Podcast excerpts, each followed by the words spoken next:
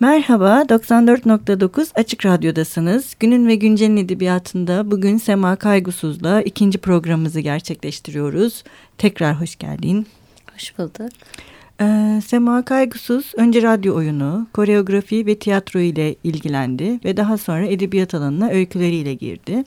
İlk öykü dosyaları Yaşar Nabi Nayır Gençlik Ödülü'ne ve Gençlik Kitabevi ikincilik ödülüne değer bulundu.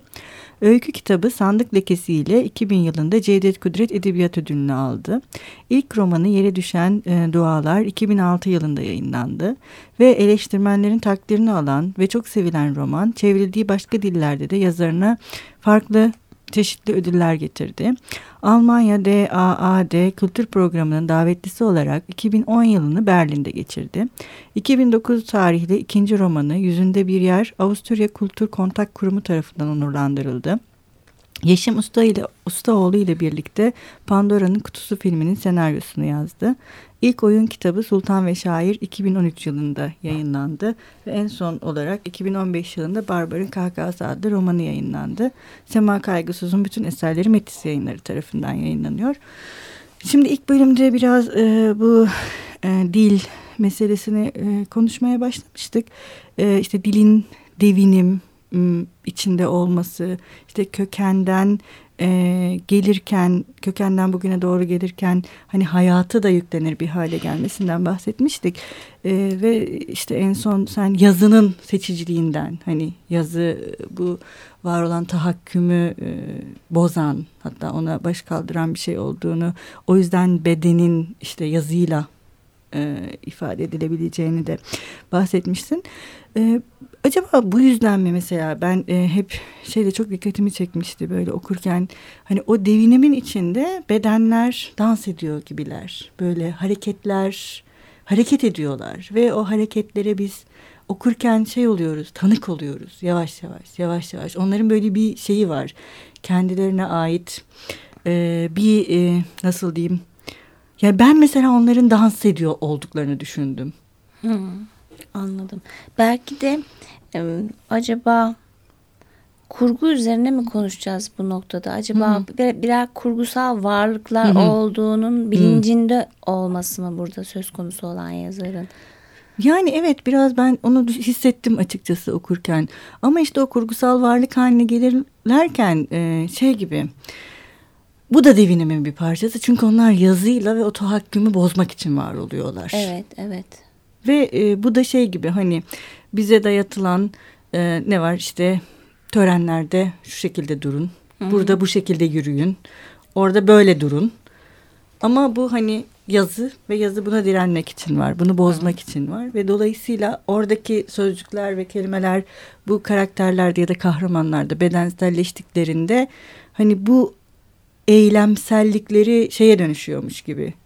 Daha nasıl diyeyim var olan kuralları da bozar bir şekilde. Hani bazen askıda kalıyorlar ama Hı-hı. hani kalsın ne olacak? Kalabilir. Hı-hı. Bazen böyle daha devinim içinde dans ediyormuş gibi. Mesela şeyde ben yüzünde bir yer orada çok hissettim bunu. Evet.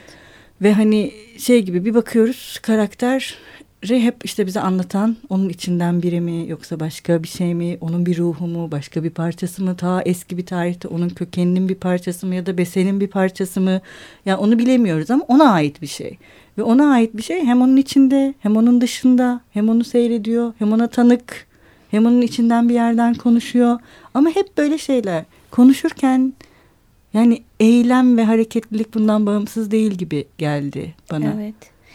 Belki de şimdi e, şimdi sesi düşünüyorum. Hı hı. E, kişisel olarak ben kendimi hiçbir zaman bir hikaye hı. anlatıcısı olarak tanımlamadım. Hı hı. Hani böyle tırnak içinde çok popüler bir kavram var ya storyteller diye. Hı. Bütün uluslararası hı hı. festivallerde hı. yazarlar kendilerini öyle tanıtmayı severler. Hı.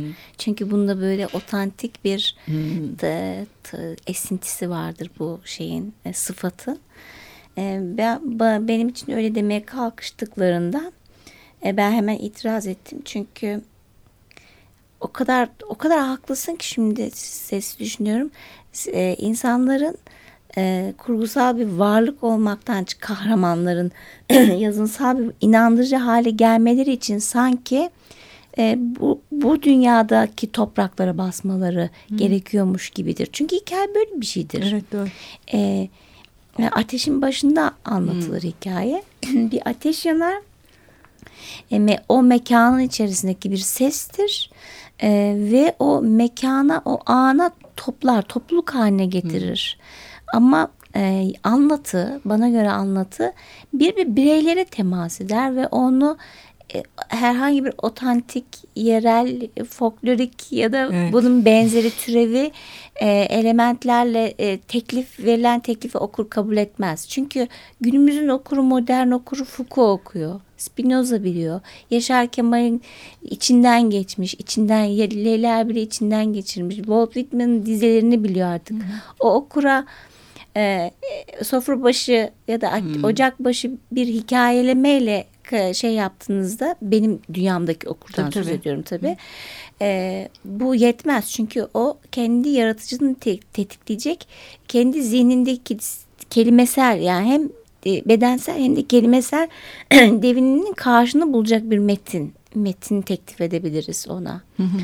E, bu hikayeden çıkmaktır sizin az önce yaptığınız şeye yoruma ben Hı -hı. bir hikayeden çıkma tabii, tabii. olarak doğru. yorumluyorum. Doğru doğru. Ve anlatıya anlatı çok daha esnek bir alan. Ya yani uzay bükülür anlatıda. Tabii tabii. E, ruh kolektif bir ruh haline Hı -hı. gelir. Bir kadın aynı zamanda dört kadını imler. Hı -hı. Bir evet. yürüyüşüyle öyle öyle değil mi Freud mesela? Neydi e, şeyin e, ünlü ünlü işte bir şey kabartma Hı hı. Ay kadın ismini unuttum. Yani hem edebiyat metniyle hem kendiyle hem hı. binlerce yılla bir e, Pompeyli bir kadının yürüyüşüyle bir şey koyar ortaya yani bir, bir faraziye ortaya koyar.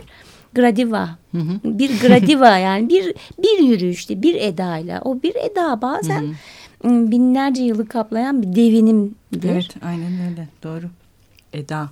Hı-hı. Bu biraz şey de düşündüm mesela hani o ilk bölümde konuştuğumuz söz ve göz. Hani biz söze, göze, başkasının gözünden bakmaya. Hani bu bu şekilde oluşurken çünkü biz aslında bu kahramanların oluşumuna da tanıklık ediyoruz. Oluşurken aslında biraz kendi içlerinde de bu meseleyi tartışıyorlar sanki. Söz ve göz hani evet ben onu görüyorum, okuyorum o bana da o bana bir şey söylüyor ama söylediği şey tam da hani kolektif bir ses olarak çıkıyor ortaya ve bazen de hani o kendi içinde bazı şeyleri bastırıyor.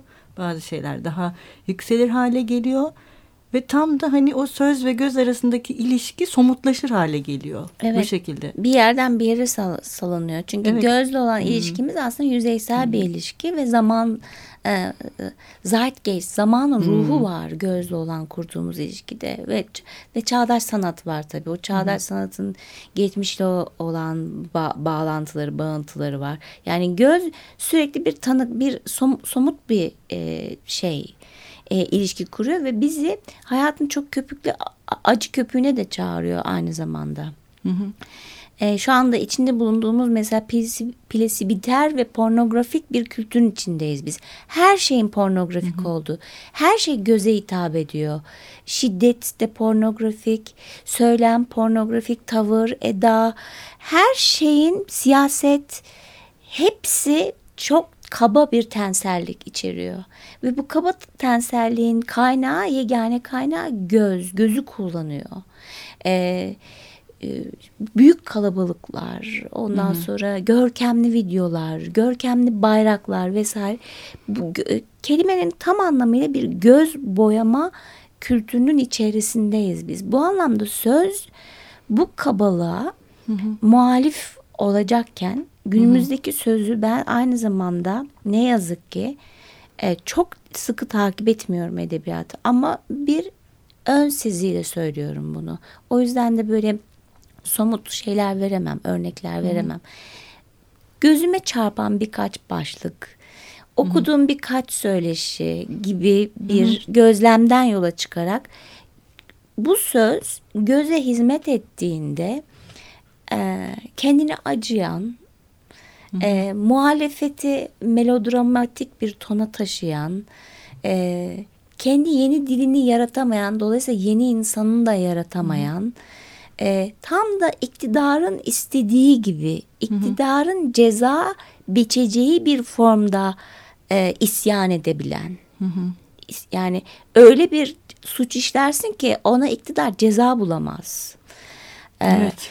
Tam da o cezayı hak edecek bir suçluluk duygusu donanmış ve artık muhalefet üretemeyen ama kahreden, hı hı. E, arabesk tonda hı hı. E, şiddeti soyutlaştıran, e, bizi mahvettin be 2000, 2015 diyen hı hı. mesela bizi mahveden 2015 diye bir şey değil yani bu, bu, bu soyutlamayı ben sinik, e, budalaca ve dilsiz buluyorum. Yani Hı. çok konuşuyor, çok geveze ama buradan bir yeni dil çıkmaz. Yani yeni, e, yeni dil nedir? Yani yeni yeni dil kendi hayatının şairi olmak. Hı hı. Kendi hayatın bir anne, bir ayakkabıcı, bir tamirci, hı. bir hurdacı, bir bahçıvan, bir baba, hı hı. bir amca kızı, bir kuzen olarak yani hayatta size şey yapılan rollerin tamamen dışında o rolü yeniden yaz, yazmak yani bir eylem. Hı hı. Yazı ve eylem derken hı hı. yeniden eylemek, eyleme geçirmek. Bunun için edebiyat bize müthiş bir kaynaklık ediyor. Biz Anna Karenina görüyoruz orada. Hı hı. Ondan sonra uğultulu tepelerde bir, bir, bir kadın görüyoruz. Bir aşk tutkusal bir hı hı. ilişki görüyoruz. Onu bir tek Tevrat okumuş bir yazar yazdı. Yani hayatında bildiği tek şey eski ait yeni ait ateşin başında geçen bir ömürden çıkan bir romandır onlar mesela. İçgörü böyle bir şey. Ee, bu devletsizlik, bu cennet ve cehennemsizlik, peygambersizlik çok önemli. Bu babasızlık. Hı hı. Ve ben insanın eğleyen dinin babasızlıkta e, peyda olduğunu, ortaya çıktığını, babaya sırtını döner dönmez yani ataya, atanın Hı-hı. suçlarını yüzüne vurup yüzleştiğin çok güçlü, çok fazla babalar yüceltiliyor ve o babalar gariban, kambur, e, ne bileyim yani bu ülkede bu kadar katliam oldu mesela. Bunca ölenin yanında bir de katledenler nerede? Onların çocukları nerede? Onlar da bu babaların arasında değiller mi? Hı hı. Bu kadar babayı öven, bu kadar aile mevhumunu öven dolayısıyla hı hı. E, bir dilden muhalif dil çıkmaz. Bence edebiyat dilde çıkmaz. Bunu ben kendi yüzyılımızın yaşadığımız hı hı. zamanın sadece Türkiye'de değil hı hı. E, Avrupa'da da gözlediğim şey o. Bir e, hastalığı olarak görüyorum. Bir dil hastalığı. Evet e, bugün yine ara vermeden ne çalalım? Ne istersin? Ha, şimdi Olafur Arnolds'tan Neil Light'ı dinleyelim.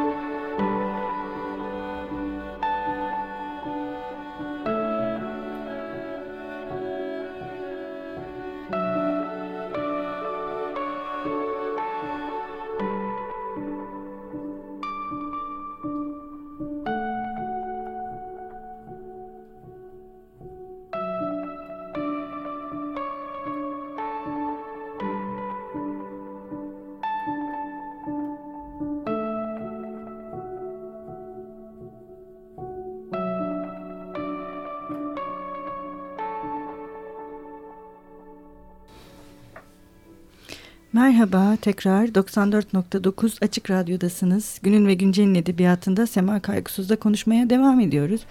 Şimdi en son bu hani muhalif olmayan bir e, dilden yani yeni bir dil de çıkmaz ve bunun e, günümüzün aslında dünya edebiyatının temel bir sorun olarak göründüğünden bahsetmiştik. Şimdi biraz şeyden konuşabilir miyiz acaba diye düşünüyorum. Bu dil meselesinden e, yola çıkarak hani o programın ilk bölümünde ilk programımızda konuşmuştuk suskunlukları, teskin, sessizlikleri. Şimdi bu suskunluklar ve sessizlikler söz konusu olduğunda peki ya ses? Yani mesela yine bu senin edebiyatında ben şeyi görüyorum özellikle hani bu kadınlarda içlerine hapsettikleri bir ses var. Hapsolmuş ya da hapsettikleri demeyelim de hapsolmuş bir ses var ve bir e, ve bu ses yavaş yavaş yavaş yavaş açılıyor. Ve şeyi de görüyoruz hani o kap, o kapanmaya çalışılan, kapatmaya çalışılan, kapatılmaya çalışılan ve o ses onun şeyi gibi tarihi. Hem kişisel bir tarihi hem onu işte doğa. Mesela o yüzden mesela hep şey diye düşündüm hiç sana tabiat mı desem? diye ama hiç tabiat gelmedi mesela. Hani doğa demek doğmak yani onun gibi bir şey. Hani o hem onun içinde doğan bir şey ama ama bir ses yani ses ses ses onun ruhu gibi. Hani hep yanında taşıdığı bir şey gibi. Hı. Bu da biraz böyle hani bu bahsettiğin hani e, dilsizlik ve suskunluğun yerde ses biraz da böyle şeye mi dönüşüyor diye düşündüm. Hmm, soyutlaştığında hapsolan bir şeye, çıkamayan, hani kendini gösteremeyen ya da daha bölük pörçük bir şeye mi dönüşüyor? Evet. Şimdi bu söylediğini aslında kendim de kendimi araştırmam lazım. Çünkü e, ister istemez insan yazdığı şeyleri unutuyor biliyor musun? Çünkü yeni bir şey geçmen geçebilmek için onu böyle bir unutman gerekiyor. E, dolayısıyla gene sesli düşünüyorum saçmalama pahasına. Yok estağfurullah. E, ses şimdi ses çok dişil bir şey. Evet. E, şimdi, şimdi hemen başta bir önlem almam lazım. İster istemez biz edebiyat üzerine ve yazar kadın olduğunda cinsiyet kimlikleri üzerine konuşmaya daha şey yapıyoruz. Meyyal, meyyal oluyoruz. Çünkü Hı-hı. ihtiyacımız var. Ee, o yüzden o alana girmeden oraya hmm. çünkü orayı çok yanıtladık yani orada verecek evet, evet. yanıtlar çok şey evet, yani evet. her hep herkes hepimiz birbirimizi bu anlamda tanıyoruz. Hı Ee, şimdi ses dişil bir şey. Dediğim andan itibaren bütün ütüşler, hırlamalar, bağırtılar, inlemeler, inlemeler e, şehvetin inlemesi, kükreme, e, şey öfkeyle kükreme, bütün bunların hepsi e, benim kişisel hı hı. alemimde dişil bir şey. Bunu yerli yerine siyasileştir, topraklandırıp siyasileştirdiğimizde eril bir mevhum kazanıyor. Çünkü bir tanım hı hı. biri onu tanımlıyor, bir şey onu tanımlıyor. Hı hı. Bir çerçeve çiziyor. Hı.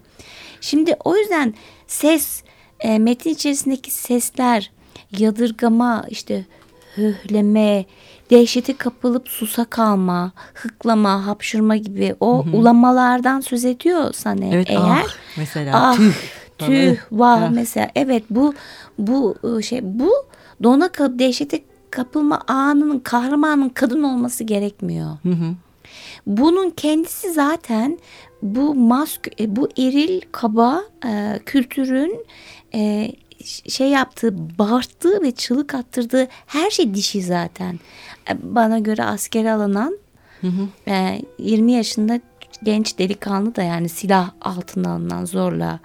Ondan sonra dilendirilen çocuk da hı hı. E, ağaçlıktan düşen yaşlı adamın sızı da bu anlamda dişi. Çünkü içinde bulunduğumuz tahakküm ilişkileri zaten köreci olan, mevsimlik olan, e, madenin altına gönderdiği her şeyi zihnin dişil olarak görüyor.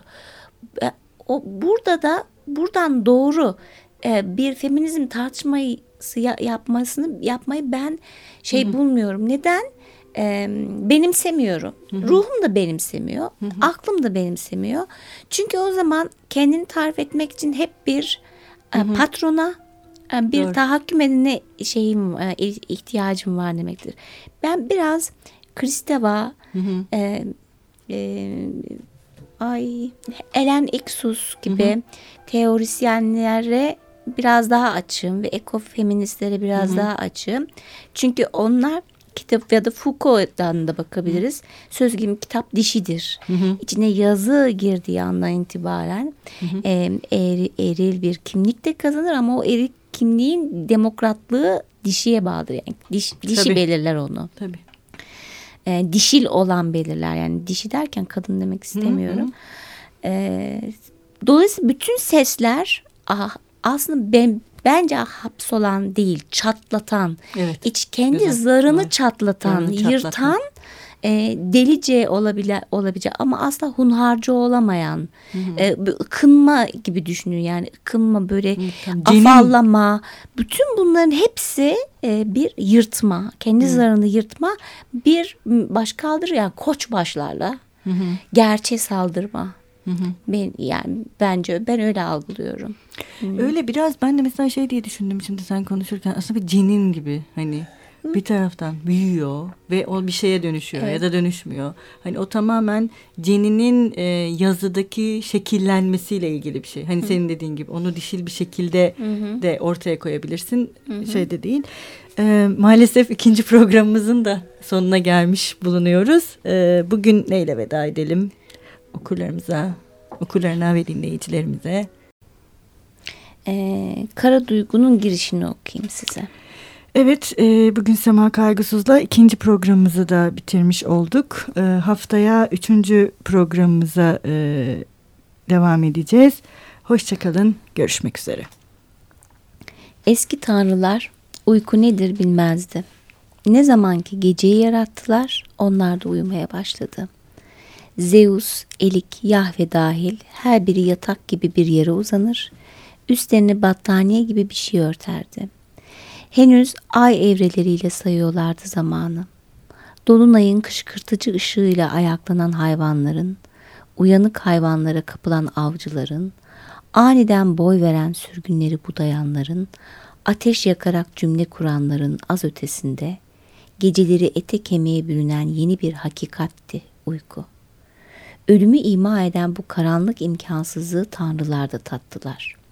Düzen böyle olunca içlerinden bazıları uykusuzluk çekmeye başladı tabii. Söz gelimi Gılgamış diye biri vardı. Üç ısırıkta çekirdeklerini ele veren bir elmacık kadarcıktı o zamanlar. İki ısırığı tanrı, bir ısırığı insan bu uykusuz hükümdar davulunu dangada dangada dandan dangada dandan vura vura Uruk şehrini yer gök uyandırırken alazlı bir tutkuyla karanlığa sorular sorardı dangada dandan çınlayan karakteristik bir uyanıklıktı onunki. Bir fersah şehir, bir fersah palmiye ağaçları, iki fersah ova, bir fersah uruğun dışına taşan açık alan, sonra rüzgar, otların hışırtısı, yıldız izi, dibine kadar hisseden beden, hiçbir şeyi bilemeyişin sancısı, uçsuz kainat, dangada dandan.''